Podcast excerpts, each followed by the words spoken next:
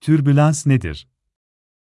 Hava ya da su burgacı olarak da bilinen türbülans, uçağın uçmasında önemli rol oynayan hava akışının, sıcak-soğuk havanın yer değiştirmesi ya da rüzgar nedeniyle bulutlardaki hareketlilik sebebiyle bozulması sonucu, uçağın sarsıntısı durumudur. Uçak bu durumda irtifada kaybedebilir.